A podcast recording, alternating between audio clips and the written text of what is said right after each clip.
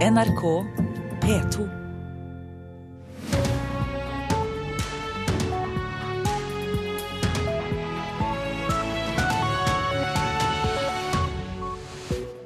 Nyhetsmorgen fortsetter straks med mer informasjon om fyrverkerieksplosjonene i Mexico. Og vi spør om vi skal la frykten styre oss etter terrorangrepene i europeiske byer. Besøksvennen til Anders Behring Breivik innkalles som vitne i ankesaken, skal vise at den terrordømte ikke er så isolert som han selv sier. Og regjeringen vil tillate vannscooterkjøring i nasjonalparker. Lokale myndigheter reagerer. Mer om eksplosjonen i Mexico i natt nå. 29 mennesker er bekreftet døde og over 70 skadd. Utenriksreporter Dag Bredvei, hva skjer på dette stedet nå? Det er eh, store styrker, eh, brannmannskap eh, og andre, som forsøker å slukke små og store branner. Og det gjør de mens det smeller rundt ørene på dem, fordi det er fortsatt mye fyrverkeri liggende i brannruinene. Det er en rekke frivillige også som graver i ruinene der, og 26 døde er altså funnet. Tre er i tillegg døde på sykehus, og 70 er skadd. Og Tidligere på morgenkvisten så kom det bilder fra nyhetsbyråene, og du ser at folk løper i panikk. Og veldig mange løper til en stor parkeringsplass og kaster seg inn i bilene og kjører fra stedet, mens de blir møtt av mange ambulanser. Hvordan er sikkerheten på slike steder som dette? Det er jo flere slike fyrverkeriansamlinger i Mexico? Ja, det er riktig. Og de sier at sikkerheten er blitt noe bedre etter at det var eksplosjoner på samme sted både i 2005 og 2006. Eh, begge de gangene ble folk skadet, men ingen døde. Eh, men sikkerheten er ikke bra nok. Dette er et fyrverkerimarked som er veldig populært. Det er det mest kjente i Mexico, og det er enorme mengder fyrverkeri på dette stedet. Og det er tradisjon for veldig mange i Mexico å besøke dette markedet kalt San Pablito før jul. Og nå var det altså 2000 mennesker på dette stedet. Og muligens er en eh, del av disse som røyker i nærområdet, det lages mat osv., så, videre, så faren for brann og eksplosjoner den er veldig stor. Ja, Så Mexicos beredskapsstyrke har bedt folk om å holde seg langt unna? Ja, beredskapssjef Louis Luis Felipe Puente han ber folk holde seg eh, på avstand. Han sier at eh, han ikke vil ha noen eh, på fem kilometers avstand, fordi det er enormt med røyk i området. Han sier at dette er av helsemessige årsaker.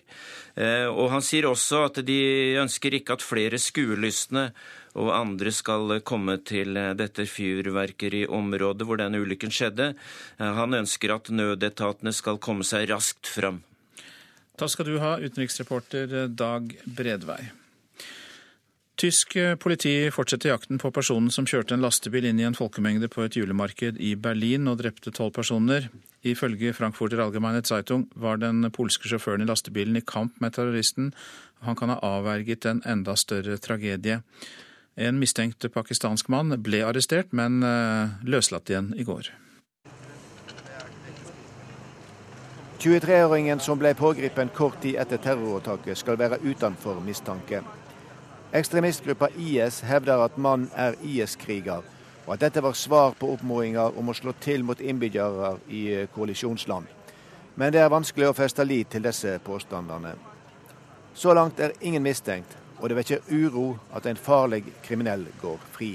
Politisjef Klaus Kant i Berlin varsler økt beredskap. Tysk påtalemakt er ikke i tvil om at det var et terroråtak, og viser bl.a. til at sjåføren av den polskregistrerte lastebilen ble funnet skutt inne i bilen. Hendinga likner på terroråtaket i den franske byen Nis i juli. Der ble 86 personer drept av en tunisisk islamist som kjørte inn i folkemengdene på strandpromenaden. Opposisjonspolitikere var raskt ute med påstander om at det er statsminister Angela Merkel sin innvandringspolitikk som har sett landet i fare. Tolv personer ble drept i terroråtaket. 24 er innlagt på sykehus med alvorlige skader. Tilstanden er fremdeles kritisk for 14 av dem, ifølge tyske medier. Reporter Bjørn Atle Gillestad. Berlin er jo en by som mange nordmenn besøker, og det skaper jo redsel når terror rammer. Professor ved Kompetansesenter for sikkerhet, fengsels- og rettspsykiatri, Arnstein Mykletun, du er med oss. God morgen til deg. God morgen, ja. Hva er det som skjer med oss når vi hører om slike hendelser?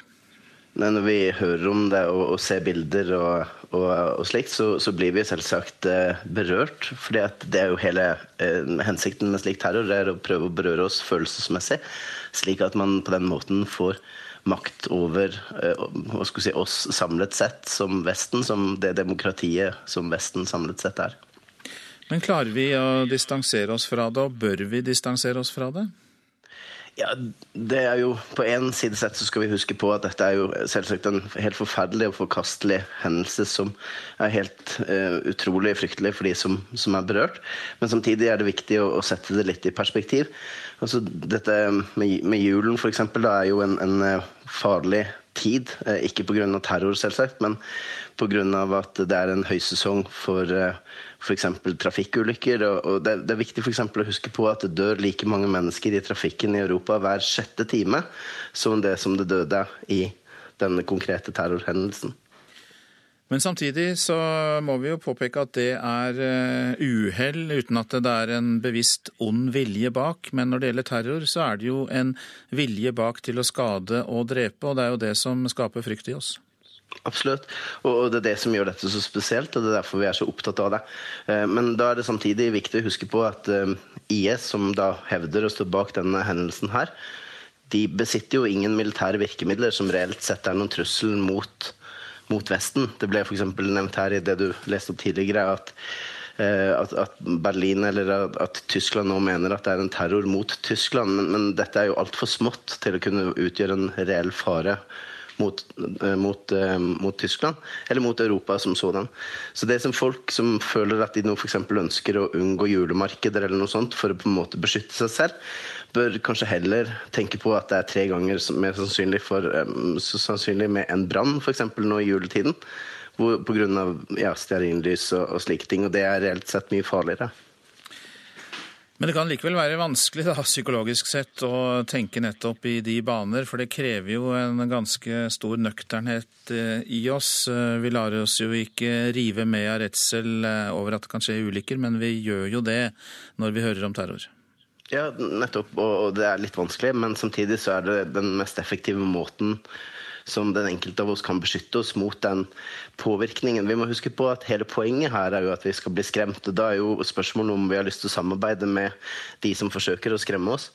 Og Det er på en måte to viktige grep. Da. Det ene er jo det vi kan gjøre individuelt. og Det er jo på en måte å huske på hvor lite dette dessverre er da, i den store sammenhengen. Fordi at det skjer masse ulykker og, og, og slikt hele tiden. Og det i volum utgjør så ut uendelig mye mer at dette her egentlig blir så å si ingenting. Og så Det andre som vi må huske på, er jo media sin rolle. Fordi at terroristene vil jo ikke ha en, noen som helst mulighet til å berøre oss med denne typen hendelser. Hvis ikke media si, dekket det særdeles grundig. Da. Og da spesielt dekning med bilder. Sånn er det som berører oss mest. For hvis vi bare hører om det, så blir vi litt redde. Men hvis vi ser bilder, ja, så virker det mye sterkere. Men eh, skulle vi da f.eks. her i Nyhetsmorgen i dag ikke ha nevnt det? Nei, det kan du godt si at man ikke skulle. Jeg har tidligere tatt til orde for at man kunne kanskje prøvd å hatt en litt mer proporsjonal dekning. sånn at, at man dekker det si, relativt til antall drepte, f.eks. Og hvis media gjorde det, så ville vi hørt veldig mye mer om f.eks. trafikkulykker da, enn man ville hørt om, om terror, rett og slett fordi at forholdstallet er så så stort i, i, i trafikkulykkers uh, favør. Det er mange, mange, mange flere som dør i trafikken. Og så syns jeg også det er viktig å minne om at det er jo slik da, at vi vokser opp i en usedvanlig trygg tid. Altså, det er jo ingen tid historisk og ingen plass, ingen verdensdel hvor sannsynligheten har vært så lav for å bli rammet av en, det som kan føre til en brå og voldsom død. Altså, det, er, det er helt eksepsjonelt trygt å vokse opp i Europa nå for tiden. Da tar vi det med oss eh, videre. Professor ved Kompetansesenter for sikkerhet, fengsels- og rettspsykiatri, Arnstein Mykletun, takk skal eh, du ha. Den eh, profesjonelle besøksvennen til Anders Behring Breivik blir etter det NRK kjenner til innkalt som vitne når ankesaken starter etter jul. Staten er dømt for brudd på menneskerettighetene for soningsforholdene til Breivik, men er, har anket. Regjeringsadvokaten kaller altså inn, etter det NRK forstår, besøksvennen for å vise at terroristen ikke er så isolert som han selv sier. Breiviks profesjonelle besøksvenn er en tidligere offiser, en militærprest. De tre siste årene har han besøkt Breivik hver 14. dag, men etter det NRK kjenner til, er ordningen blitt utvidet siste halvåret. På besøksrommet i Skien fengsel, på hver sin side av den mye omtalte glassveggen, treffer han nå terroristen en gang i uka. Anders Behring Breivik er dømt til 21 års forvaring og soner på avdeling for særlig høy sikkerhet, uten kontakt med andre innsatte. Derfor saksøkte han staten for brudd på menneskerettighetene, og vant. Men staten anket dommen, og over jul kommer saken opp igjen i lagmannsretten. Besøksvennen blir etter det NRK forstår et sentralt vitne for staten, som vil bevise at Breivik ikke er så isolert som han sier. Regjeringsadvokat Fredrik Sejersted skal føre saken. Staten vil legge vekt på å vise at etter vårt syn så er de soningsforholdene som Breivik lever under, meget langt unna umenneskelig og nedverdigende behandling. Men nå får vi en ny sjanse for lagmannsretten, og vi vil fremlegge enda mer dokumentasjon og bevis enn det vi gjorde første gang.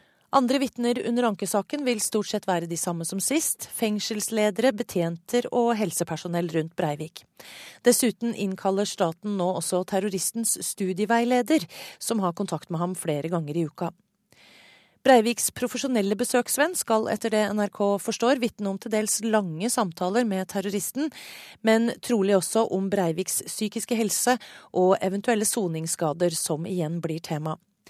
Mannen får honorarer av kriminalomsorgen for jobben han gjør, og er trolig underlagt de samme reglene som fengselsbetjenter, og ikke snakke med Breivik om personlige forhold eller fortelle noe om seg selv. Ankesaken startet 10.1, og reporter her var Anne Marte Moland. Så til det avisen er opptatt av. Selskapet Boligbygg i Oslo, som er eid av kommunen, har i år kjøpt over 250 boliger til nesten en milliard kroner for å huse flyktninger og de som trenger hjelp til bolig. Det skriver Dagens Næringsliv. Eiendomsbransjen mener kommunen selv bidrar til prisveksten, mens byrådet svarer at de vil fortsette oppkjøpene. Narkotikadømte Gjermund Cappelen har i avhør kommet med opplysninger om fem dødsfall som egentlig var drap, skriver VG. De skal ha skjedd for 15 år siden og kamuflert som naturlige dødsfall. En kjent kriminell skal ha blitt navngitt av Cappelen som drapsmann. Kirkerådet advarer prester mot nettdebatt, kan vi lese i Vårt Land. Kommentarer i sosiale medier er ofte basert på manglende kunnskap og lavt saklighetsnivå, så det er lite å oppnå ved å delta, sier Ingeborg Dypig, kommunal kommunikasjonsdirektør i Kirkerådet. Flyktninger er sårbare for å bli radikalisert, advarer Politiets sikkerhetstjeneste. Klassekampen gjengir en rapport fra den europeiske samarbeidsorganisasjonen Europol, som peker på at særlig syrere i flyktningmottak lett kan bli påvirket og vervet. Sju av ti ønsker ikke å slukke FM-nettet og gå over til DAB-radio, viser en meningsmåling gjort for Dagbladet. Det er naturlig at man vil beholde det gamle og kjente, sier kommunikasjonssjef Mari Hagerup i Digital Radio Norge, men hun tror de fleste av oss blir fornøyde med å få flere kanaler og digital dekning. En tidligere bussjåfør i Bergen er tiltalt for grovt underslag av billettpenger gjennom flere år, skriver Bergensavisen. Han skal ha beholdt minst 1,4 millioner kroner av billettpengene. Sjåførens forsvarer, advokat Beate Hamren, vil foreløpig ikke kommentere hvordan hennes klient stiller seg til straffskyld. Og rekord i nordlysturisme kan vi lese i avisa Nordlys. Tidligere holdt de fleste hotellene i Tromsø stengt i jula, men ikke i år. Vi er her for å se på nordlyset, kjøre hundeslede, oppleve snø og kulde, sier en meksikansk turist til avisa.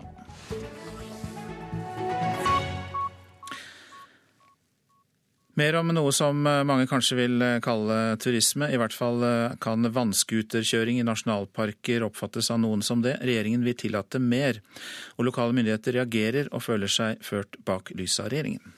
Det er alltid en stor dag når vi kan feire norsk natur, og ikke minst når vi kan feire at vi virkelig bevarer norsk natur for eh, all fremtid. Det var feststemning i Klima- og miljødepartementet da de i forrige uke feiret at Raet og Jomfruland nasjonalparker er etablert. Men nå har festrusen gitt seg for enkelte. Jeg syns ikke det skal være mulig å ferdes med vannskuter noe sted, først og fremst.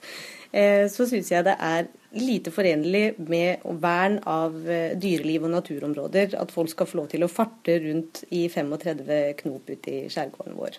Sier varaordfører i Kragerø Charlotte Terkelsen Setersdal fra partiet Rødt. Hun reagerer på at regjeringen i siste liten har fjernet forbudet mot vannskuterkjøring i nasjonalparkene, noe som lå inne da de behandlet saken lokalt.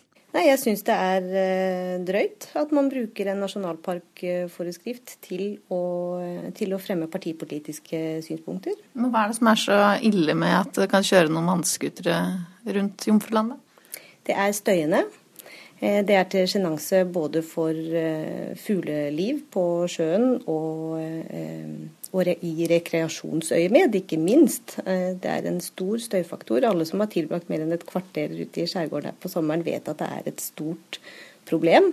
Det er et sikkerhetsmessig problem, og det er et stort støyproblem. Statssekretær i Klima- og miljødepartementet Lars Andreas Lunde fra Høyre sier kommunen har blitt informert muntlig om endringen på forhånd, og at de selv kan lage forbud mot vannskuterkjøring. Da vi behandlet dette i departementet, nettopp ut ifra at vi ønsker å styrke det lokale selvstyret når det gjelder bruk av vannskuter, og, og, og, vi kommer til å fremme en sak hvor vi opphever det, den sentrale forskriften om bruk av vannskuter, så mente det var unaturlig å legge inn en sentral forskrift i, i, i, i nasjonalparken når vi ellers ønsker å, å flytte myndigheten fra sentralt til lokalt. Er dere bekymra?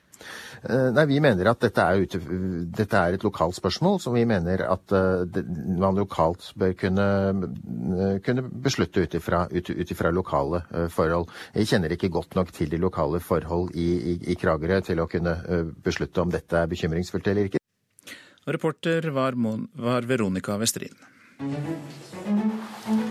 Klokka har passert 6.49. Dette er hovedsaker. Minst 29 personer har omkommet, og over 70 er skadd i en rekke eksplosjoner på et meksikansk fyrverkerimarked. Vi må ikke la frykten styre oss når terror rammer. Vi lever i en veldig trygg tid. Det sa professor i psykologi Arnstein Mykletun til oss nettopp. Besøksvennen til Anders Behring Breivik innkalles som vitne i ankesaken for å vise at den terrordømte ikke er så isolert som han selv sier. Vi har hørt at regjeringen vil tillate vannskuterkjøring i nasjonalparker, og at lokale myndigheter reagerer mot det. Og vi skal høre at eh, vi må leve med et klasseskille når det gjelder dyre medisiner. Det er lederen av helsekomiteen på Stortinget som sier det. Noregs Mållag har i år opplevd den største veksten i tallet på medlemmer på 25 år. Leder Magne Aasbrenn forklarer veksten med den mobiliseringen som har skjedd rundt nynorsken i det som kan bli den nye vestlandsregionen. Direktør Otta Grepstad ved Nynorsk kultursentrum på Ivar Aasentunet i Ørsta er svært glad for at folk er opptatt av språk. Det er entydig positivt. Det har vært snakka så mye negativt om denne språkstriden osv. Men, men eh, språk engasjerer, og det gjelder flere land enn Norge. slik at dette er en del av en internasjonal tendens. Eh, det er blitt viktigere for eh, flere å kunne bruke sine egne språk enn det var før, og de får rett til å gjøre det. Og Derfor så er dette gledelig nytt for flere enn nynorskbrukerne. Noregs Mållag talte denne veka 12 362 medlemmer, og det er det høgste medlemstallet på 25 år. Og språk engasjerer. Denne høsten har diskusjonen rundt administrasjonsspråket i en eventuell vestlandsregion med Hordaland, Sogn og Fjordane og Rogaland synt at nynorsken fremdeles har sprengkraft. Mållaget mobiliserte til kamp for nynorsken, og i høst så har Mållaget fått over 550 nye medlemmer over hele landet. Også i Møre og Romsdal og i Oslo har medlemstallet økt, med høvesvis 63 for hvert fylke. Mållagsleder Magne Aasbrenn sier det nå blir viktig å ta vare på engasjementet videre. Det kommer noen eh, skolemålsrøystinger, det kommer jo stadig, da. Og bestemme språket på skoler. Eh, språket i barnehagene er jo veldig viktig. Spesielt vil jeg si i Møre og Romsdal så må man passe på det at språket i barnehagen er eh, nynorsk. Dersom unger skal gå videre og gå på en nynorsk skole, F.eks. Lucia-sangen går an å synge på nynorsk og ikke bare på bokmål. Og for direktør Ottar Grepstad ved Nynorsk kultursentrum i Åsentunet i Ørsta, så er nynorskmobiliseringa godt nytt. Eh, det er klart det er positivt for en organisasjon som Nordens Mållag å få stadig flere medlemmer. Det styrker lokallagene, og det gjør at en kan være bedre budd eh, hvis det skulle oppstå nye saker. Direktør Otta Grepstad til slutt ved Nynorsk kultursentrum Åsentunet i Ørsta, og reporter var Håvard Ketil Sporsheim. Nynorsken styrker seg altså, og i regjeringen er det vel i hvert fall slik at det blir et bredere utvalg av dialekter fra vest og nord med utskiftningene. Bjørn Myklebust, programleder i Politisk kvarter. Og så kommer jeg med min kjedelige østlandsdialekt. Ja, men takk like måte. Per-Willy Amundsen og Terje Søviknes bidrar da med dialektene. Amundsen, ny justis- og beredskapsminister, han har vært omstridt da han var, hadde ansvaret for innvandring og klima i Frp på Stortinget. Men det var det ikke lett å få han til å snakke om i går. Det var helt umulig, faktisk. og jeg er veldig usikker på om jeg har funnet noen trylleformel for å, for å, gjøre det annerledes i dag. Vi får se også Terje Søviknes, da, olje- og energiminister, gjør comeback i rikspolitikken. Han var litt mer snakkesalig i går, og jeg tror vi klarer å fylle et kvarter. Ja, Politisk kvarter klokka 7.45, og allerede ti over sju i Nyhetsmorgen skal vi høre om eh, hvordan de to framstår og oppfattes når eh, politiske redaktører fra mm, hjembyene deres, eller i hvert fall byer i nærheten av der de holder til, eh, blir gjester i Nyhetsmorgen.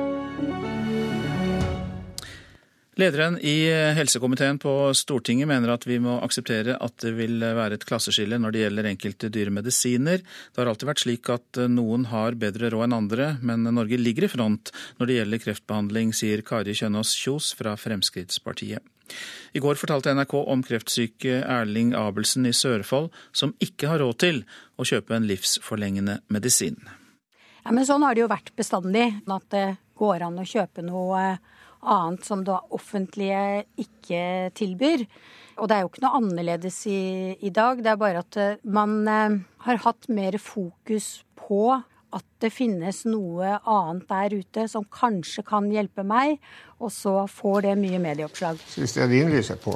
Erling Abelsen i Sørfold er en av dem som vil prøve en ny immunterapimedisin som foreløpig ikke er godkjent for hans krefttype, nyrekreft den kreftsykdommen jeg har, er jo uhelbredelig per definisjon. Så noe helbredes er det vel neppe snakk om. Men eh, jeg skulle gjerne ha prøvd eh, nytt, men det er dyrt. Privat så koster det kanskje en million kroner på et år. Og han er ikke alene om å ha et sterkt ønske om å få prøve en kreftmedisin som dekkes av det offentlige i våre naboland Sverige og Danmark, men ikke i Norge. Fylkesordfører Anne Gine Hestetun i Hordaland betaler sjøl for en dyr kreftmedisin, men hun liker det ikke. Dette er klasseskillet. og jeg syns det er helt feil utvikling at eh, det er pengeboka og utgangspunktet som skal være avgjørende. Det er Beslutningsforum som godkjenner de dyre medisinene og slik sørger for at tilbudet blir likt over hele landet. Kostnadene har økt med flere hundre millioner de siste årene, og det kommer stadig nye kostbare medisiner. Det finnes masse der ute i verden som kan kjøpes for penger, som det offentlige aldri vil kunne tilby. Men de alle skal være trygge på at vi ligger veldig i front på kreftbehandlingen i Norge Flere ganger i året har vi tatt i bruk nye dyremedisiner. så det, vi jobber kontinuerlig for å forbedre oss. Reporter var Barbro Andersen. 2016 har vært et dårlig år for norske barne- og ungdomsfilmer på kino, på tross av at det går mot et rekordår når det gjelder antall solgte kinobilletter. Før året er omme er det solgt kun 870 000 billetter til barne- og ungdomsfilmer, mot 1,8 millioner faktisk for tre år siden.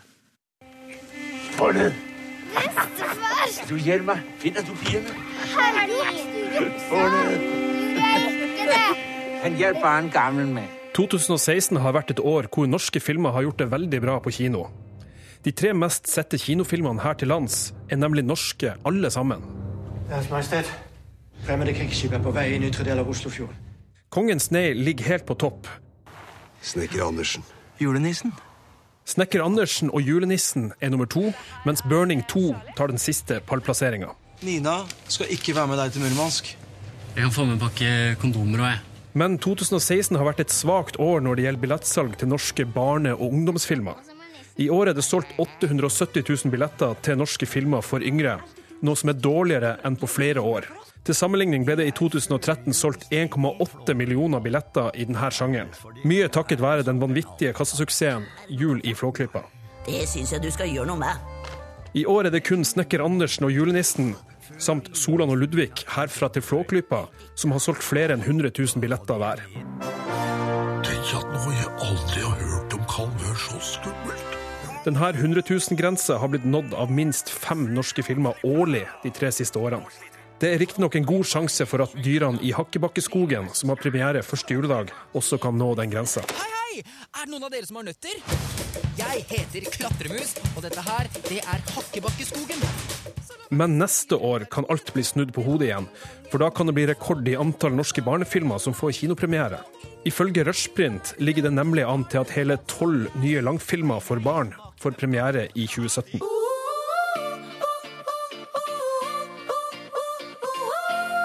Og da kan dokumentarfilmen om Marcus og Martinius bli en av de største kinosuksessene neste år.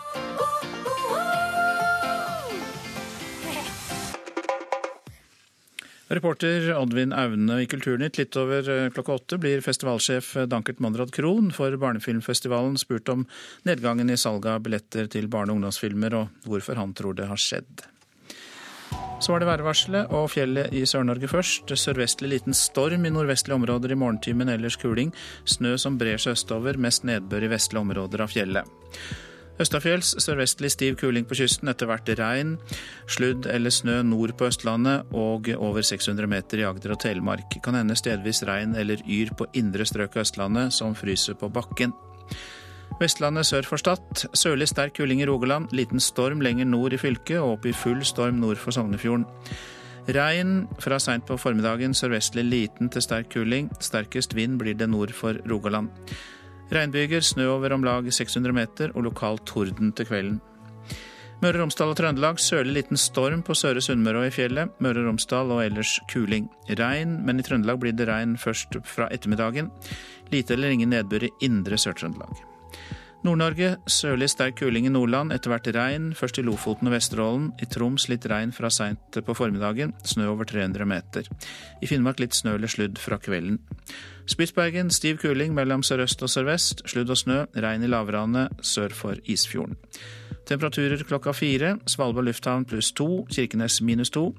Så er det plussgrader. Vardø tre. Alta én. Tromsø og Bodø seks. Brønnøysund ni.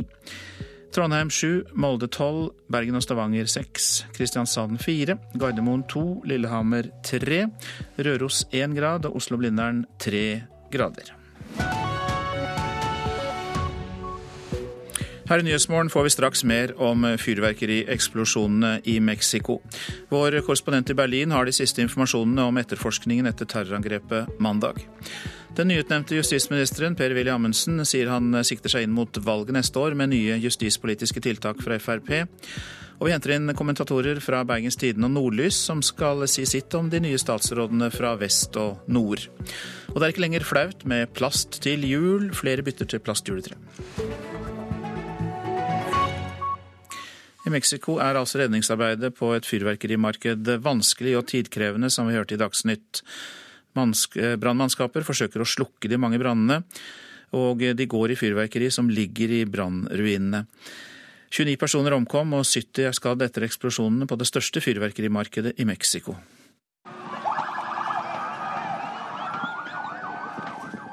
Mens ambulanser ankommer fyrverkerimarkedet, løper folk i panikk bort fra stedet.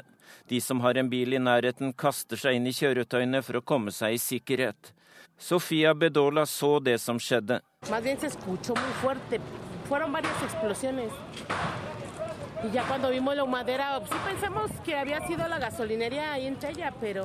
Det var en rekke høye eksplosjoner. Først trodde jeg det var bensinstasjonen som gikk i lufta.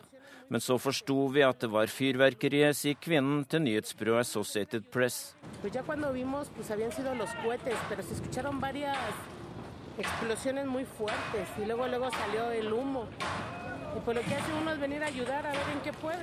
Hele området er dekket av røyk. Jeg og en gruppe andre valgte å bli i området for å se om vi kunne være til hjelp i redningsarbeidet, legger kvinnen til.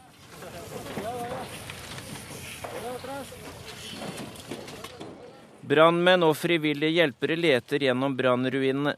Ifølge lokale myndigheter ble det funnet 26 omkomne på stedet. I tillegg døde tre på sykehus. 70 personer er skadd, mange av dem alvorlig.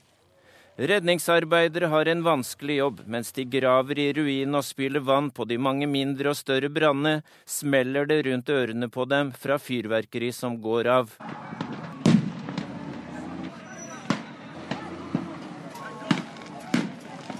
Fyrverkerimarkedet San Pablito er det største og mest kjente fyrverkerimarkedet i Mexico. Også i 2005 og 2006 ble det branner der, etter en rekke eksplosjoner. Den gangen ble flere skadd, men ingen omkom. Mexicos president Enrique Pena Nieto har sendt sine kondolanser til de pårørende. Beredskapssjefen i Mexico ber alle holde seg på fem kilometers avstand. Det er mye helseskadelig røyk i området, og nødetatene trenger å komme raskt fram til ulykkesstedet. Dag Bredvei eh, orienterte. Nå om eh, semitraileren som kjørte inn i et julemarked i den tyske hovedstaden eh, Berlin og drepte tolv mennesker og skadet 48. Frankfurter Allgemeine Zeitung skriver at den polske sjåføren var i kamp med terroristen og kan ha avverget en enda større tragedie. Korrespondent Guri Nordstrøm i Berlin, du er med oss. Hva skriver avisene nå? Ja, Det Frankfurt Allgemeine Zeitung skriver at skjedde, er at ifølge obduksjonen så skal han fortsatt ha vært i live da angrepet skjedde. Eh, det skal også ha vært spor av kamp med kniv. Deretter skal han ha blitt skutt først da bilen sto i ro. og Dette kan da være tegn på at han forsøkte å hindre det som skjedde. Angrepet ble utført av en soldat fra den islamske staten, skriver IS på sitt nettsted Amak. Hva mer blir sagt om angrepet fra IS sin side? Ja, De skriver på sitt nettsted at de står eh, bak. Eh, om denne personen har fått konkret instruks om å angripe fra IS, eller om vedkommende eh, har vært kun inspirert av IS, det er ikke klart. Men dette er i så fall da det første IS-angrepet med flere omkomne på tysk jord. Asylsøkeren som først ble arrestert, er sluppet fri. Har politiet noen forklaring på hva som skjedde? Han nektet jo hele veien i avhør enhver befatning med dette angrepet. Og verken øyenvitner eller tekniske undersøkelser eh, kunne knytte ham til eh, denne lastebilen som ble brukt. Eh, og derfor ble han da også etter hvert løslatt. Hvilke spor har da politiet etter den reelle gjerningsmannen? De har sikret seg DNA-spor og fingeravtrykk i bilen. De har også fått inn 500 eh, øyenvitneskildringer. Eh, I går kveld så sa eh, politiet her at de fortsetter en intens jakt på, på, på, personen. De sa også at de er sikre på at de innen kort tid vil kunne presentere eller vil kunne legge fram hvem dette var. Hvordan er sikkerhetstiltakene i Tyskland eh, for øvrig etter det som skjedde? Ja, Det er eh, full beredskap eh, i Tyskland, også her i Berlin. Det er veldig mye, mye bevæpnet politi overalt, særlig da på offentlige steder som jernbanestasjonene, flyplassene og, og andre steder man kan tenke at det kanskje kan være neste sted. Mange takk skal du ha, korrespondent i Berlin, Guri Nordstrøm. Nyutnevnt eh, justisminister Per-Willy Amundsen sikter seg inn mot eh, valget neste år, sier han. Han vil gjøre det tydelig for folk hvilke grep Frp vil ta på justisområdet med fire nye år i regjering. Men hva Amundsen skal gjøre med han, saker han brenner for, brenner for akkurat nå, eh, det vet han ikke helt. Hva er de viktigste sakene du går løs på nå? Justis- og beredskapsfeltet er et eh, bredt felt. Så har jeg selvfølgelig noen uh, enkelte uh, saker som jeg brenner spesielt for. og det er da særlig kampen mot vold og overgrep mot barn og unge. det syns jeg er et særdeles viktig område som, som også må løftes i det videre arbeidet.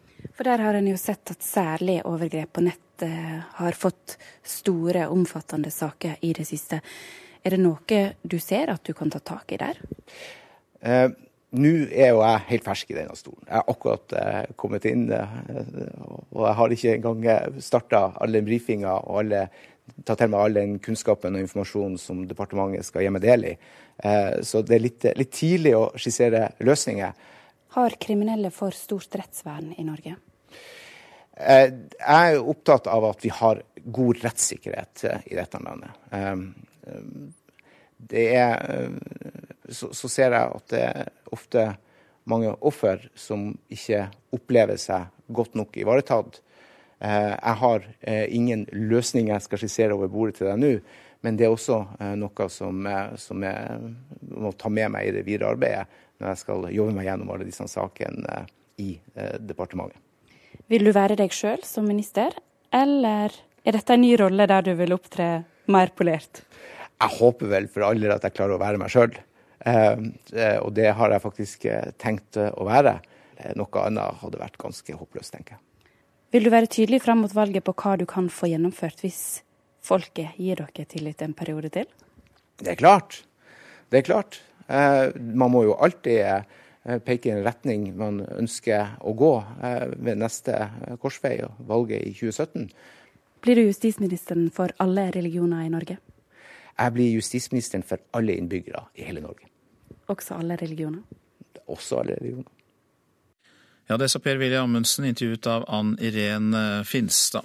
Og nå er vi så heldige at vi har eh, med oss eh, to kommentatorer, en fra nord og en fra vest. Skjalg Fjellheim i Nordlys fra studio i Tromsø, og politisk redaktør Frøy Gudbrandsen i Bergens Tidende fra studio der i byen.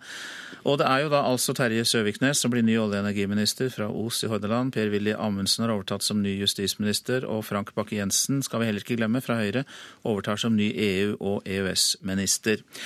Og Vi fortsetter, fortsetter, med en av mennene fra nord, da, Skjalg Fjellheim, og til deg først. Hvordan vil eh, Amundsen fungere i eh, regjering? Han har jo opptrådt med klare og tydelige uttalelser tidligere.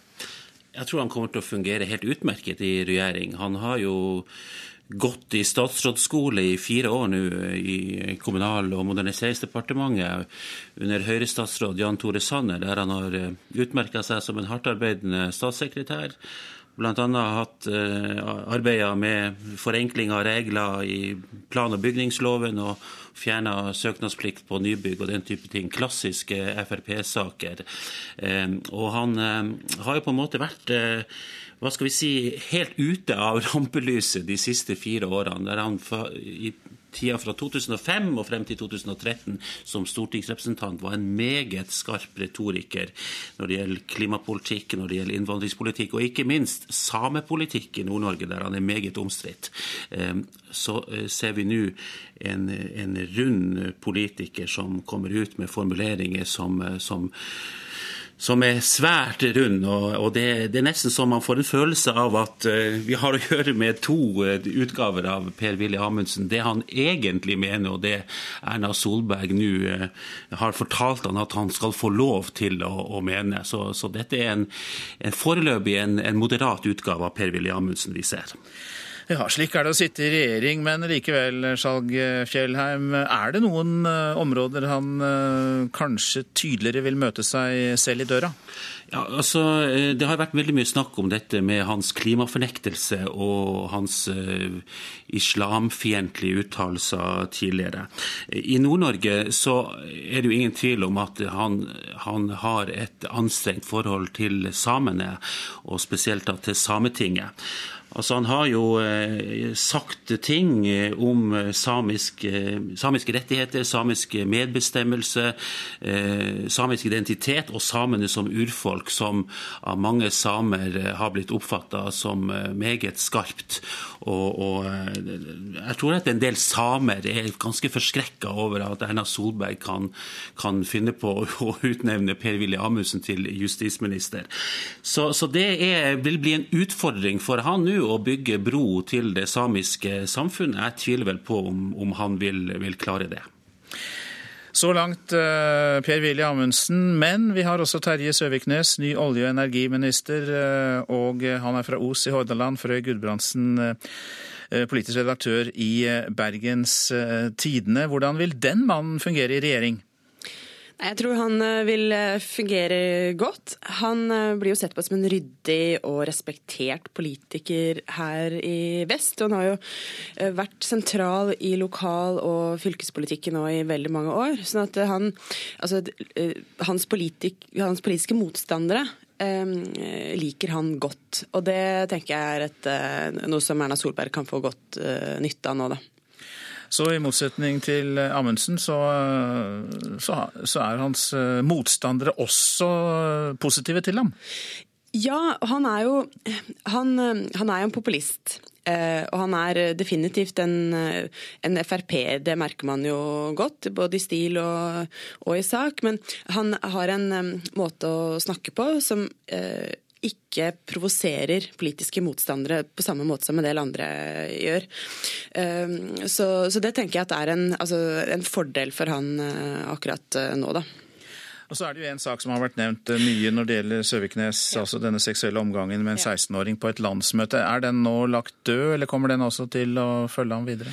Altså, På Vestlandet så har jo den saken eh, på mange måter vært glemt, fordi man, eh, han har jobba som politiker i så mange år. Man kjenner han fra så mange saker, eh, andre saker. Eh, men det er klart at det er forståelig at den saken kommer opp igjen nå. Eh, og jeg syns jo det er all grunn til måte, å stille spørsmålene til han nå nå. fordi eh, det er klart den, eh, For mange er ikke det en glemt sak, og den var veldig alvorlig den gangen. Da. Og Det som kanskje er den største ulempen også for Søviknes nå, er at han brukte opp tabbekvoten sin for 15 år siden, eller 16 år siden. Så han har jo ingenting å gå på eh, som statsråd, og det, det er jo aldri en eh, fordel. Og så et spørsmål som dere begge skal få. Det er jo eh, bare et knapt år til valget. Det er valgår neste år, og Skjalg Fjellheim eh, først. Kan man se disse valgene av eh, regjeringsmedlemmer i lys av at vi skal stemme på ny regjering neste år? Ja, absolutt. Når det gjelder spesielt Amundsen, så, så er det klart at det er jo en, en må jo anses som en, en, styrking av laget for Fremskrittspartiets primærstandpunkter. Altså at, I den forstand at, at at han, han, eh, altså Amundsen er en politiker som man nå ser for seg skal komme til å prege Fremskrittspartiet fra 2017 til 2021. Og, og jeg ser på det som et eh, signal om at regjeringa kommer til å skru ytterligere til i retorikken rundt innvandringspolitikken, selv om vi hører her Amundsen snakke om andre felter innenfor justispolitikken som han fremhever. Det er viktig å huske på at det, det var innvandringspolitikken som etablerte Per-Willy Amundsen som en sterk stemme både i Fremskrittspartiet og i norsk politikk, og at det er på en måte det som har vært hans politiske hjertesak eh, gjennom de årene han har vært markert, markert rikspolitiker.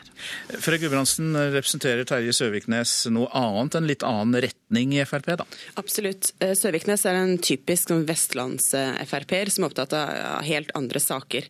Ehm, så, så han, eh, han, har nok en helt annen, annen type og helt annen måte å fremstå på utad grad. Men uh, hvis eh, Arbeiderpartiet nå er i ferd med å mobilisere ganske kraftig på Vestlandet. Uh, så kan Søviknes likevel være en ganske viktig person her. og Han har jo vært, vært, god til å vinne valg lokalt, og så er nok det noe ganske annet enn å vinne nasjonale valg. Men eh, det er ikke helt umulig at han kan bli en viktig person for Fremskrittspartiet i valgkampen.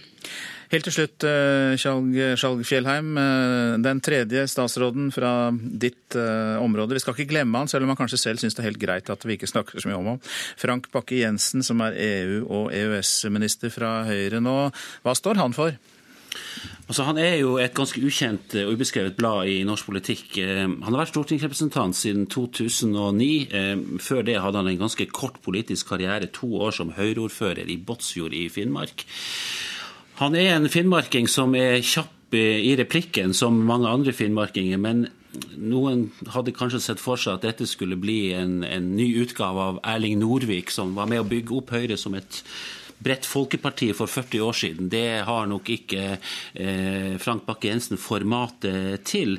Men han skal ha det at han har eh, stått eh, fjellstøtt i Nord-Norge i noen år nå og forsvart vanskelige saker for regjeringa.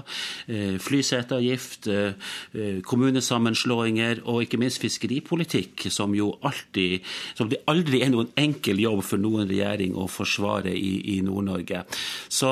Eh, Men han har etablert seg som Høyres nummer én nå fra Nord-Norge etter at eh, Elisabeth Aspaker går ut, fra, ut av regjeringen. Det er det ingen tvil om. Da takker vi for at vi fikk glede av kommentatorer fra Nordlys og fra Bergens eh, Tidende, Frøy Gudbrandsen og Skjalg Fjellheim. Takk skal dere ha. Klokka er 7.20. Dette er hovedsaker. Sjåføren av en semitrailer som kjørte inn i et julemarked i Berlin, skal ha vært i kamp med terroristen og kan ha avverget en enda større tragedie før han ble drept. Minst 29 personer er omkommet og over 70 er skadd etter en rekke eksplosjoner på et meksikansk fyrverkerimarked. Besøksvennen til Anders Behring Breivik innkalles som vitne i ankesaken for å vise at den terrordømte ikke er så isolert som han selv sier. I går skulle presidenten i Den demokratiske republikken Kongo ha gitt fra seg makten. Det gjorde han ikke. Og eh, til nå er det meldt om 26 drepte i demonstrasjoner. Afrikakorrespondent Sverre Tom Radøy, derfor er du med oss. Hva er det som skjer i Afrikas nest største land? Nei, Det er rett og slett at president Kabila ikke vil trekke seg, selv om han har sittet i disse to eh, periodene han selv var med å bestemme at skulle være maksimum. Men det som skjer her, det er jo at det viktige landet i Afrika, Kongo, der har man nå den store demokrati Eh, testen. Gull, diamanter, det svømmer over. Folk får ikke særlig nytte av det. Men et land som aldri har hatt en fredelig overgang fra en president til annen, den ser nå også en mulighet, men den muligheten glipper akkurat disse dagene. Hvorfor vil han ikke trekke, trekke seg? Mener han at landet trenger ham?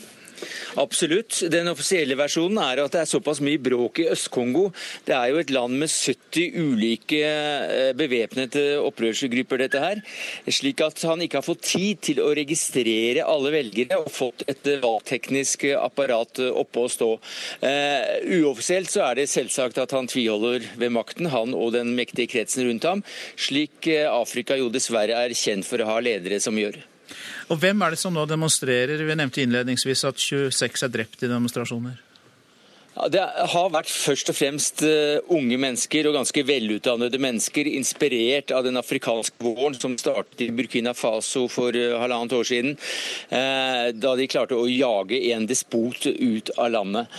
det er nok unge mennesker nå også, siden regjeringen har stengt av både Twitter, Facebook og WhatsApp. Men det har spredd seg til store deler av landet. Alle de store byene rundt omkring i landet har demonstrasjoner.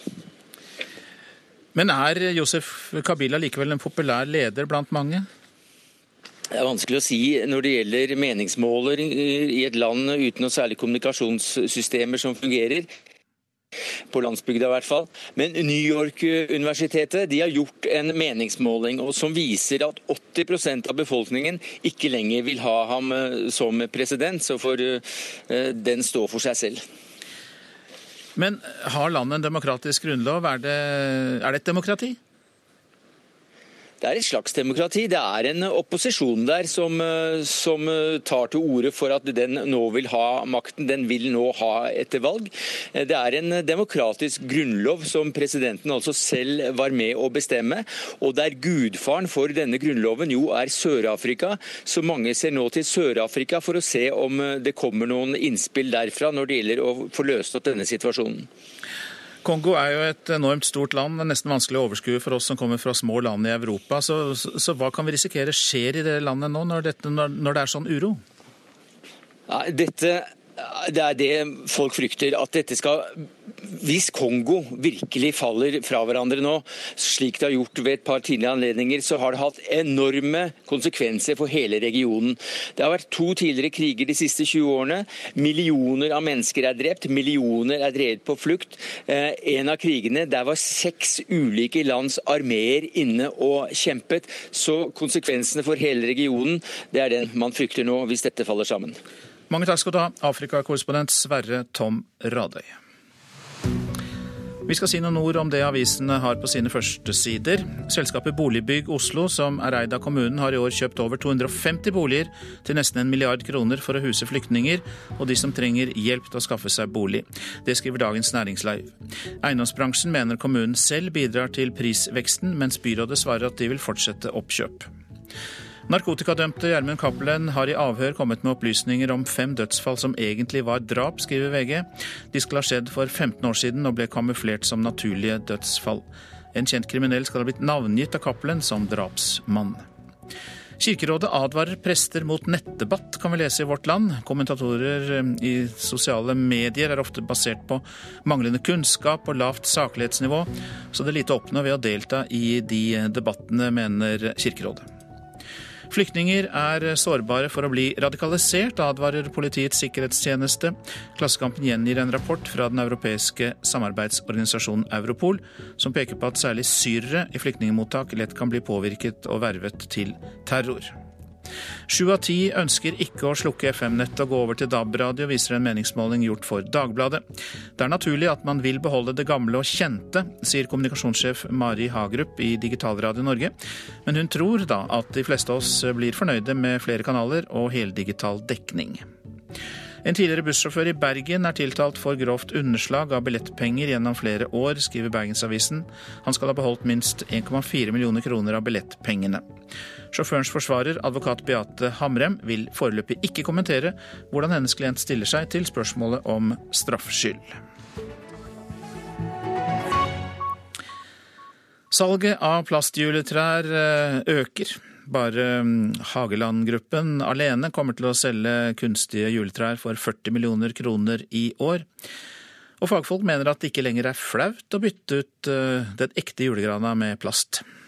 Ja, slipper all russing, og du slipper all den søpla om å få det inn og ut av leiligheter. og Ikke har vi vedfyr, så vi får ikke fyra.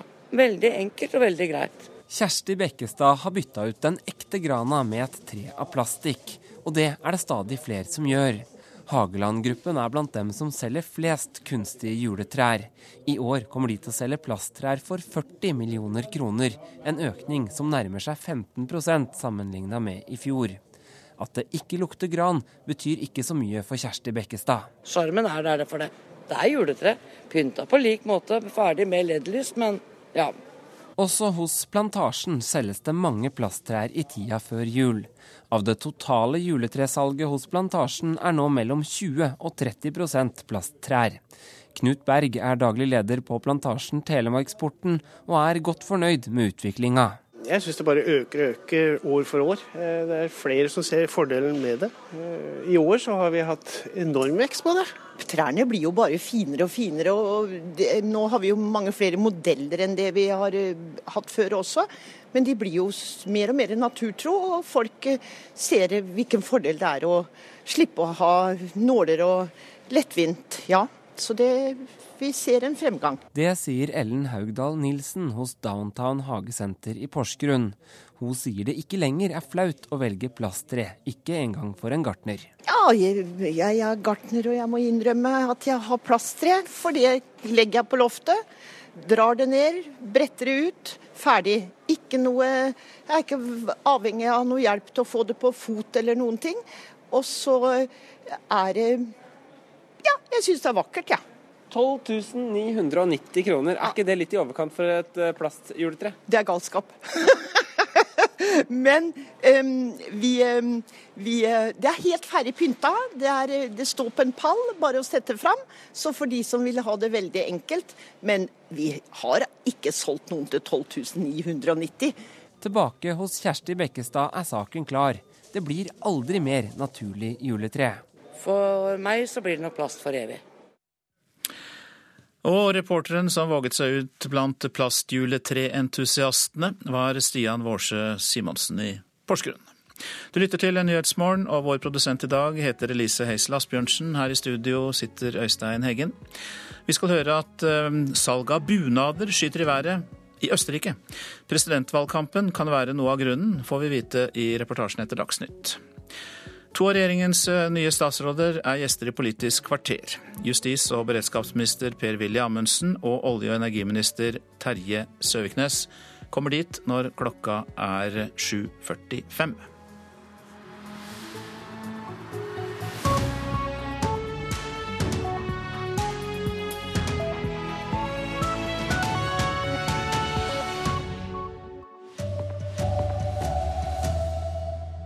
Minst 29 mennesker har mistet livet i en rekke eksplosjoner på et fyrverkerimarked i Mexico. Tysk politi leter fortsatt etter den som står bak angrepet på julemarkedet i Berlin. Og lederen av helsekomiteen mener det er greit at ikke alle pasienter får like gode medisiner. God morgen, her er NRK Dagsnytt klokka 7.30. Ja, I Mexico pågår det nå et krevende redningsarbeid på landets største fyrverkerimarked. Minst 29 mennesker har mistet livet i eksplosjoner der. Og mens brannfolkene forsøker å slukke de mange brannene, fortsetter fyrverkeriet å eksplodere rundt dem. Mens ambulanser ankommer fyrverkerimarkedet, løper folk i panikk bort fra stedet. De som har en bil i nærheten, kaster seg inn i kjøretøyene for å komme seg i sikkerhet. Sofia Bedola så det som skjedde.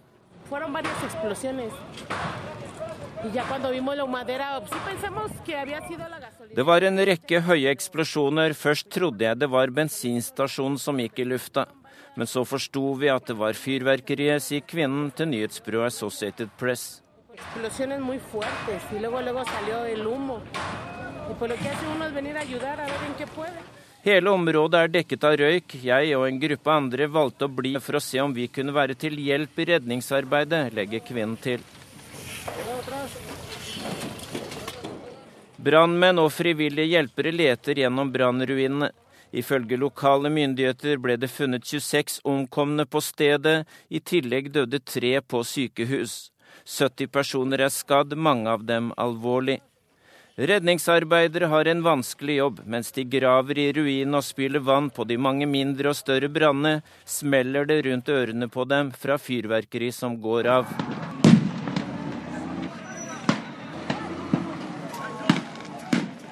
Fyrverkerimarkedet San Pablito er det største og mest kjente fyrverkerimarkedet i Mexico.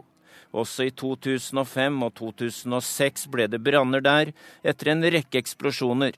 Den gangen ble flere skadd, men ingen omkom. Mexicos president Enrique Pena Nieto har sendt sine kondolanser til de pårørende. Reporter var Dag Bredvei. Så til Tyskland, der politiet jakter på den eller de som står bak angrepet mot et julemarked i Berlin på mandag. En 23-åring som var mistenkt, ble løslatt i går kveld. Terrornettverket IS sier de står bak angrepet, der tolv mennesker ble drept og nesten 50 skadd. Korrespondent Guri Nordstrøm med oss fra Berlin, hva kan du fortelle om etterforskningen nå? Politiet har sikret seg DNA-spor og fingeravtrykk av, i bilen. De har også fått inn over 500 øyenvitneskildringer. I går kveld sa de da at de hadde gode beviser og var ganske sikre på at de i løpet av kort tid vil være i stand til å finne gjerningspersonen. Ja, hva sier politiet om mannen som ble pågrepet og senere løslatt nå? Det det blir sagt er at han hele veien nektet i avhør at han hadde noe som helst med dette angrepet å gjøre. Og når da verken øyenvitner eller tekniske undersøkelser kunne knytte ham til denne semitraileren som ble brukt i angrepet, så ble han til slutt eh, løslatt. Så skriver tyske medier i dag at det skal ha vært en kamp mellom eh, gjerningsmannen og den polske sjåføren. Hva kan du si om det? Ja, De skriver at den polske sjåføren i, kan ha avverket en enda større tragedie. Ifølge obduksjonen så skal han fortsatt ha vært i live da angrepet skjedde. Uh, men det skal ha vært spor av kamp med kniv. Deretter skal han ha blitt skutt først da uh, denne semitraileren sto i ro. og Dette kan da være tegn på at han forsøkte å hindre det som skjedde.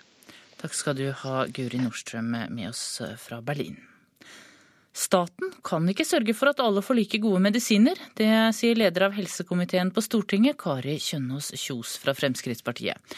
Noen pasienter betaler selv for livsforlengende behandling i utlandet fordi behandlingen ikke er godkjent i Norge. Det må vi bare akseptere, sier Kjos. Ja, men sånn har det jo vært bestandig. At det går an å kjøpe noe annet som det offentlige ikke tilbyr. Så hvis stearinlys er på. Erling Abelsen i Sørfold er en av dem som vil prøve en ny immunterapimedisin som foreløpig ikke er godkjent for hans krefttype, nyrekreft. Den kreftsykdommen jeg har er jo uhelbredelig per definisjon, så noe helbredes er det vel neppe snakk om. Men eh, jeg skulle gjerne ha prøvd eh, nytt, men det er dyrt. Privat så koster det kanskje en million kroner på et år. Og han er ikke alene om å ha et sterkt ønske om å få prøve en kreftmedisin som dekkes av det offentlige i våre naboland Sverige og Danmark, men ikke i Norge.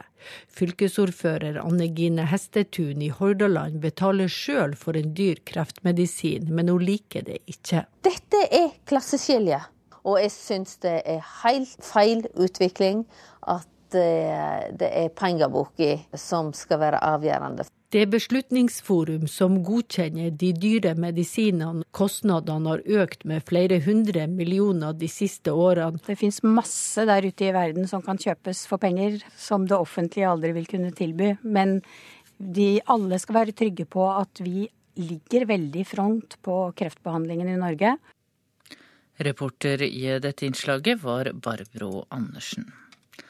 Den eh, profesjonelle besøksvennen til Anders Behring Breivik blir etter det NRK kjenner til innkalt som vitne når ankesaken starter etter jul.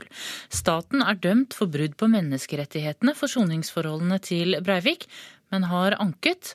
Etter det NRK forstår, kaller regjeringsadvokaten nå inn besøksvennen for å vise at terroristen ikke er så isolert som han sier.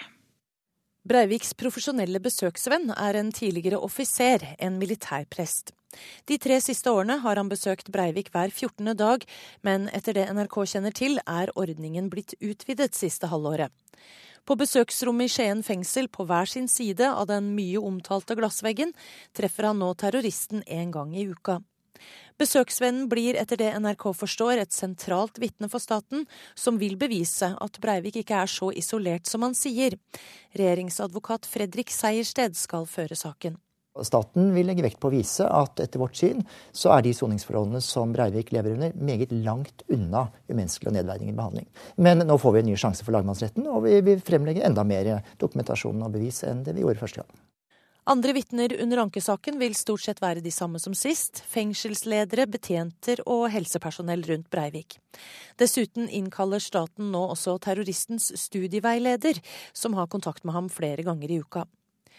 Breiviks profesjonelle besøksvenn skal etter det NRK forstår vitne om til dels lange samtaler med terroristen, men trolig også om Breiviks psykiske helse og eventuelle soningsskader, som igjen blir tema.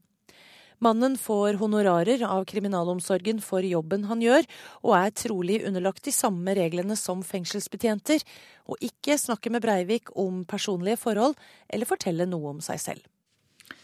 Ankesaken starter 10. januar. Reporter var Anne Marte Moland. Kripos undersøker nå flere dødsfall på starten av 2000-tallet etter en ny forklaring fra narkotikadømte Gjermund Cappelen. Det skriver VG. Dødsfallene ble vurdert som naturlige da de skjedde, men ifølge Cappelen skal det i realiteten ha vært drap som en kjent kriminell står bak. Det er ventet at opplysningene blir en del av rettssaken mot Cappelen og den korrupsjonssiktede politimannen Eirik Jensen. Saken starter i januar. Regjeringen vil tillate vannskuterkjøring i nasjonalparker. Lokale myndigheter reagerer på det, og seg, føler seg ført bak lyset. Det er alltid en stor dag når vi kan eh, feire norsk natur, og ikke minst når vi kan feire at vi virkelig bevarer norsk natur for eh, all fremtid. Det var feststemning i Klima- og miljødepartementet da de i forrige uke feiret at Raet og Jomfruland nasjonalparker er etablert. Men nå har festrusen gitt seg for enkelte. Jeg syns ikke det skal være mulig å ferdes med vannskuter noe sted, først og fremst. Eh, så syns jeg det er lite forenlig med vern av eh, dyreliv og naturområder at folk skal få lov til å farte rundt i 35 knop ute i skjærgården vår. Sier varaordfører i Kragerø Charlotte Terkelsen Setersdal fra partiet Rødt. Hun reagerer på at regjeringen i siste liten har fjernet forbudet mot vannskuterkjøring i nasjonalparkene, noe som lå inne da de behandlet saken lokalt. Nei, Jeg syns det er eh, drøyt at man bruker en nasjonalparkforeskrift til å, til å fremme partipolitiske synspunkter. Statssekretær i Klima- og miljødepartementet Lars Andreas Lunde fra Høyre sier kommunen har blitt informert muntlig om endringen på forhånd, og at de selv kan lage forbud mot vannskuterkjøring. Vi ønsker å styrke det lokale selvstyret eller bruk av vannskuter vannskuter, og, og, og, vi kommer til å fremme en sak hvor vi opphever det, den sentrale forskriften om bruk av vannskuter, som mente det var unaturlig å legge inn en sentral forskrift i, i, i, i nasjonalparken. Reporter i dette innslaget var Veronica Westrin.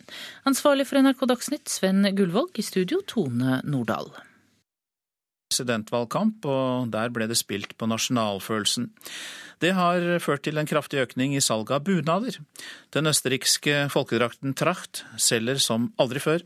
Korrespondent Guri Nordstrøm har sendt oss denne reportasjen. Vi har her lauter österreichische Trachten. For Damen, Herren und Kinder verkaufen wir auch. Jon Gert viser frem et arsenal av den tradisjonelle østerrikske folkedrakten Tracht. Ulike fra delstat til delstat, men som oftest lærbukser og hatter med edelveispinn til mennene og fargerike drindel til damene. Als nächstes gibt es die Dirndl. Mhm, können Sie das zeigen? Das ist auch ein, ein Produkt, das in Österreich sehr viel getragen wird. Gert er innehaver av forretningen Låden Plankel i Wien. En av flere traktbutikker som opplever stor etterspørsel akkurat nå. En boom, kaller han det. Trachten sind sehr aktuell jetzt und der Trachtenboom ist eigentlich sehr stark in Österreich. Han anslår økningen til å være tosifra prosenttall. Ich würde sagen, es sind wirklich zweistellige Prozentzahl im Jahr, die letzten Jahre gewesen. Traktforretninger over hele Østerrike forteller om det samme.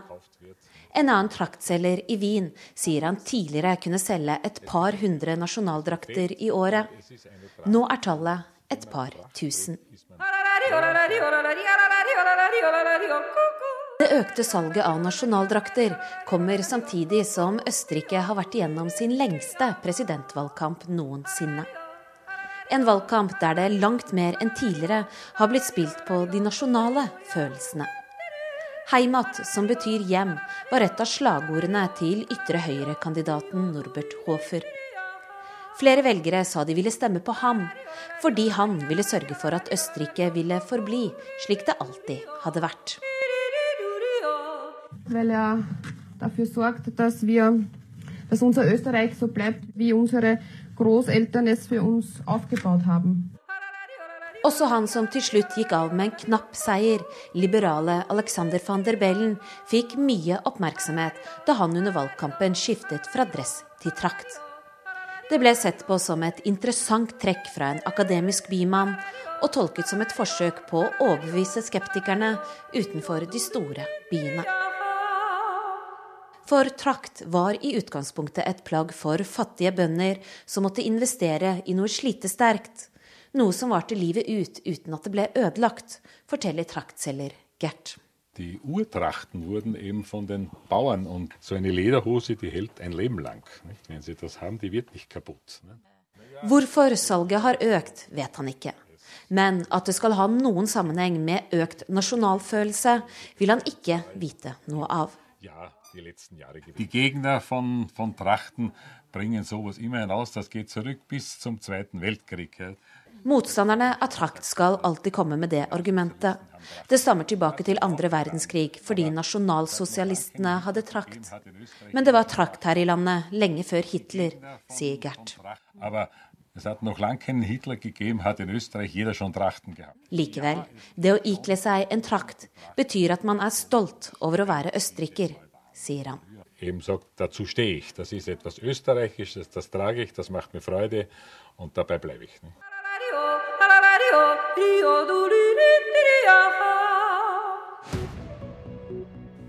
Dette er hovedsaker i Nyhetsmorgen. Minst 29 mennesker har mistet livet i en rekke eksplosjoner på et fyrverkerimarked i Mexico.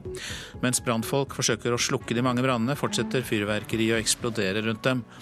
Tysk politi leter fortsatt etter den som sto bak angrepet på julemarkedet i Berlin. En 23-åring som var mistenkt, ble løslatt i går kveld. Terrornettverket IS sier de står, sto bak angrepet der tolv mennesker ble drept og nesten 50 skadd. Vi må akseptere et klasseskille når det gjelder enkelte dyremedisiner, sier lederen i helsekomiteen på Stortinget, FrPs Kari Kjønaas Kjos. Det er umulig å unngå at noen har råd til å kjøpe nye dyremedisiner, sier hun. Den profesjonelle besøksvennen til Anders Behring Breivik blir etter det NRK kjenner til, innkalt som vitne når ankesaken starter etter jul. Regjeringsadvokaten gjør det for å vise at den terrordømte ikke er så isolert som han selv sier. Om få sekunder er det Politisk kvarter. Der er Bjørn Myklebust programleder.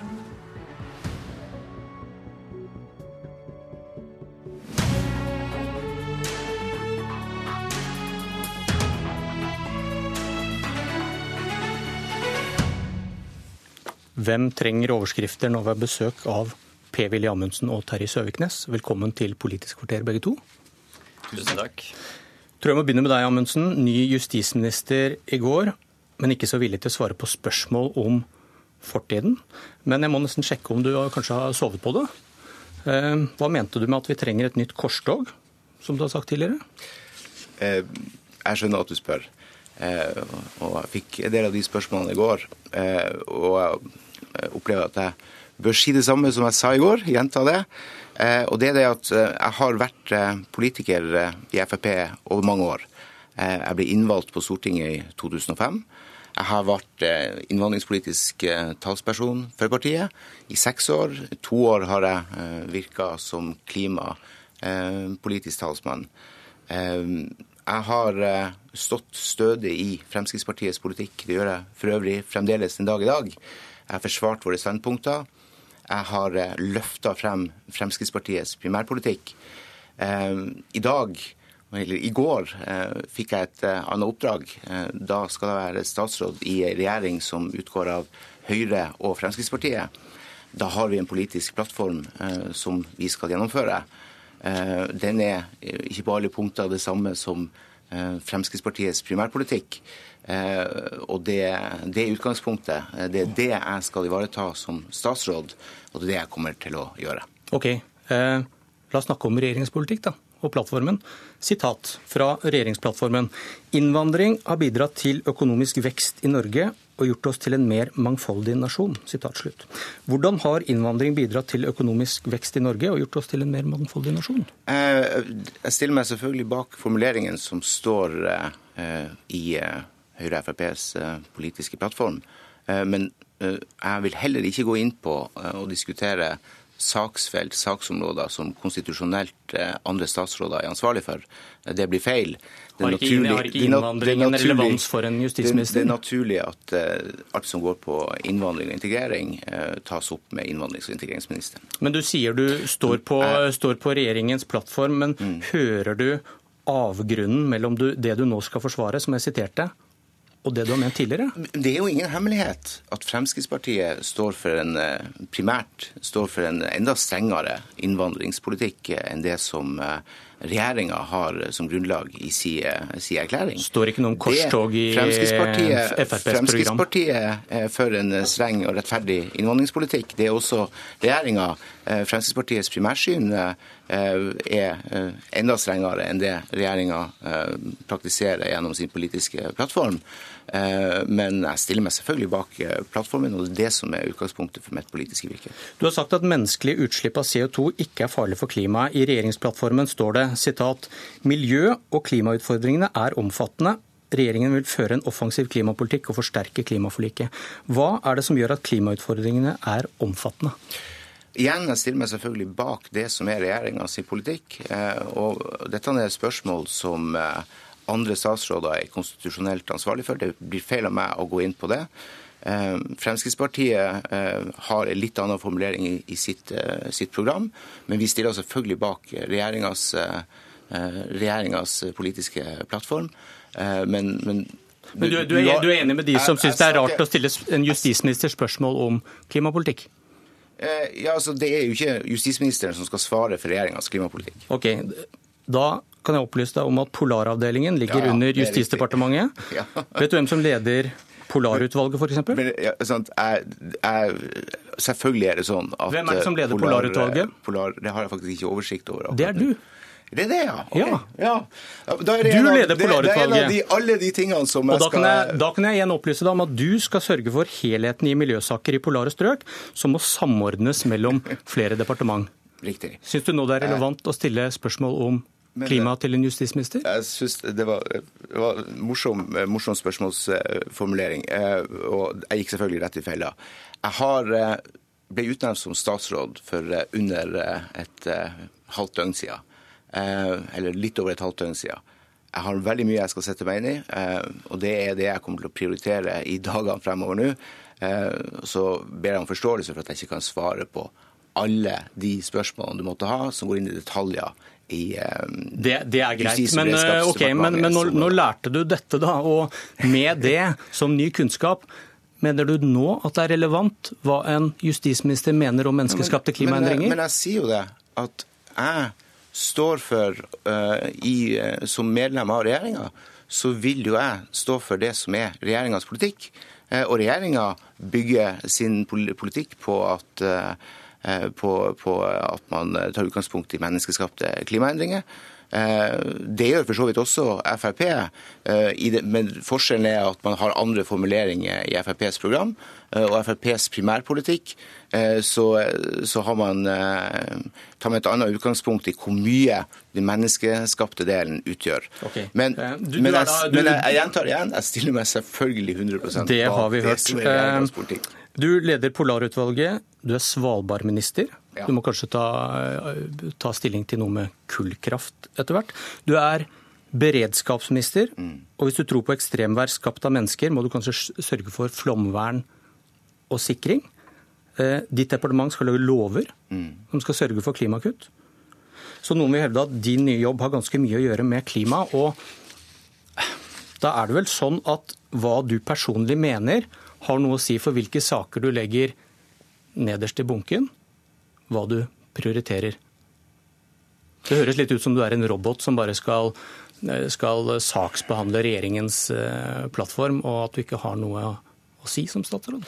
Utfordringen på flom og skred er i det høyeste grad viktige ting som vi skal, eh, som vi skal ivareta. Eh, samfunnssikkerhet, beredskap, viktig del av Justisdepartementet sitt fagfelt. Det skal selvfølgelig jeg også ivareta, uavhengig av type bakgrunn som måtte være for de ulykkene og de de sikkerhetssituasjonene som måtte oppstå. Men du, Betyr motivasjon noe for om man utfører en god jobb? Selvfølgelig betyr motivasjon noe for om man utfører en god jobb. Hva skjer hvis som... du egentlig ikke tror på det du gjør? Men hør nå her. Nå syns jeg, jeg, dette begynner å, å, å bli litt, sånn, litt, litt småmorsomt. Eh, la meg si det sånn. Jeg som justis- og beredskapsminister, eh, så er selvfølgelig det å ivareta samfunnssikkerhet, ivareta beredskap, et av de aller, aller viktigste områdene som det skal leveres på. Som det er levert på, og som det også vil bli levert på i fortsettelsen. Eh, og, og, og, Det handler altså ikke om hvilken uttalelse jeg måtte ha kommet med i 2008 eller i 2012. Men, vi snakker men det ikke om, vi snakker om å gjennomføre regjeringens ja, politikk. Men vi snakker jo ikke om uttalelsen, vi snakker om hva du faktisk mener nå. Og Da var spørsmålet hva skjer hvis du egentlig ikke tror på det du gjør? Hvis du skal være, være polarminister, du skal sørge for beredskap, eh, du skal føre en politikk som baserer seg på at menneskene skaper trøbbel for klimaet, og så tror du ikke på det. Hva skjer med dine prioriteringer i departementet da?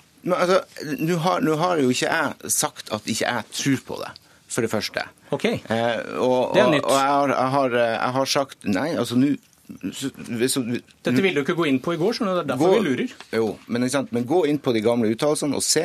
Det det handler om, er at eh, Fremskrittspartiet i primær, eh, sin primærpolitikk eh, stiller spørsmål med hvor stor grad av de eh, endringene i klimaet vi ser rundt oss, som er menneskeskapt Sola varmer opp CO2, ikke menneskene. Og hvor mye som eh, kan tilskrives naturlige variasjoner. Det er Fremskrittspartiets formulering i vårt partiprogram. Men du har vært hardere i klypa enn det. Du har uttalt deg tøffere enn det. Du har uttalt deg i tråd med Carl I. Hagen og Christian Tybring-Gjedde, som vil ha en ny programformulering der man sier at eh, menneskelig påvirkning har ikke noe å si for for klimaet. Det er ikke farlig. Eh, som klimatalsmann for Frp så har jeg uttalt meg kritisk til det. Det har også vært min jobb, og det er viktig å understreke, det har vært min jobb som, eh, som talsmann på feltet for Frp. Nå har jeg en annen, annen rolle. Nå er jeg justis- og beredskapsminister, og jeg skal selvfølgelig også ivareta de viktige samfunnssikkerhetshensynene som måtte følge av klimaendringer. La det være helt tydelig. Eh, og Det betyr også eh, det viktige arbeidet som må gjøres på Svalbard. Terje Søviknes, ny olje- og energiminister, også fra Fremskrittspartiet. Du var ganske klar i går. Menneskeheten bidrar til klimaendringene, og vi må gjøre noe med det. Betyr det at du stoler på FNs klimapanel, som er så godt som helt sikre på at CO2-utslipp fra menneskelig aktivitet fører til problemer for klimaet?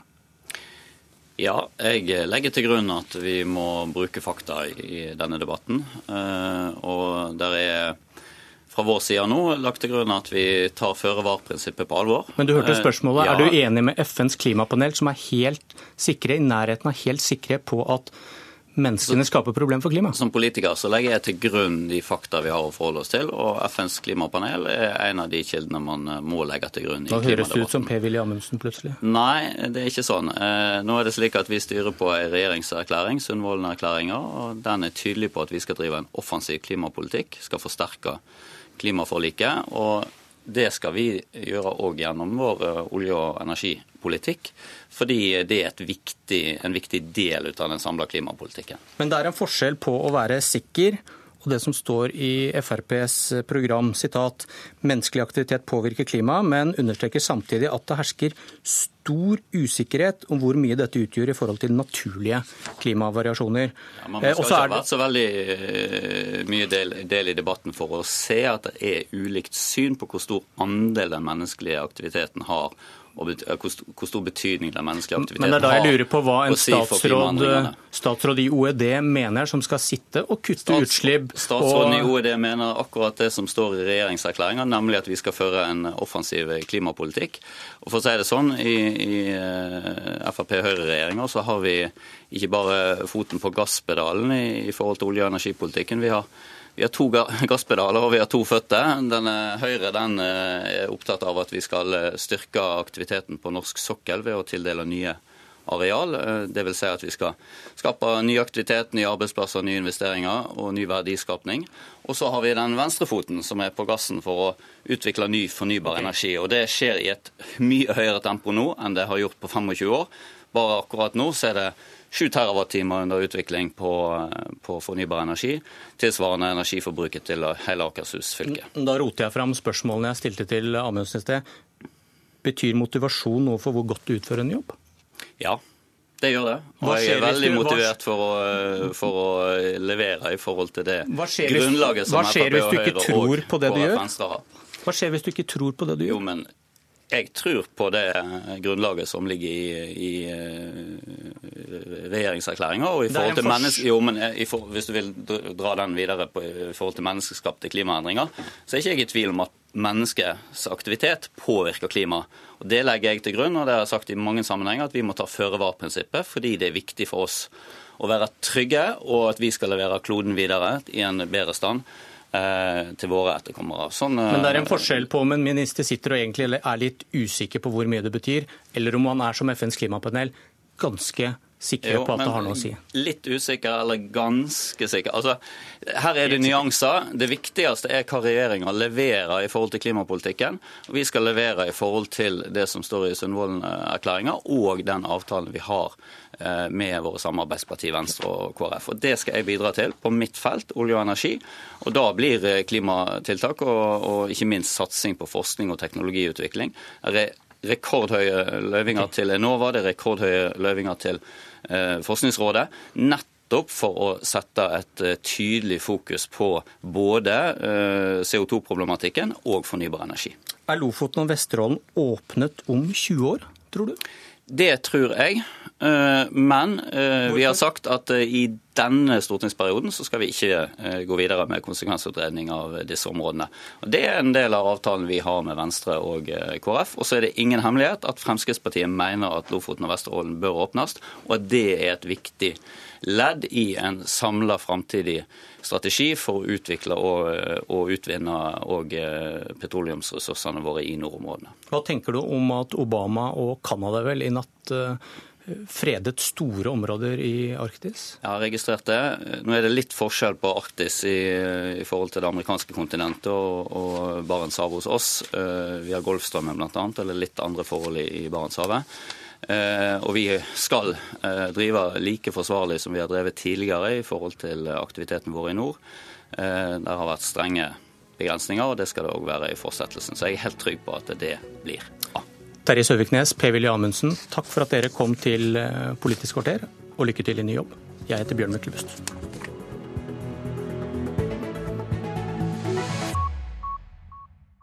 Hør flere podkaster på nrk.no podkast.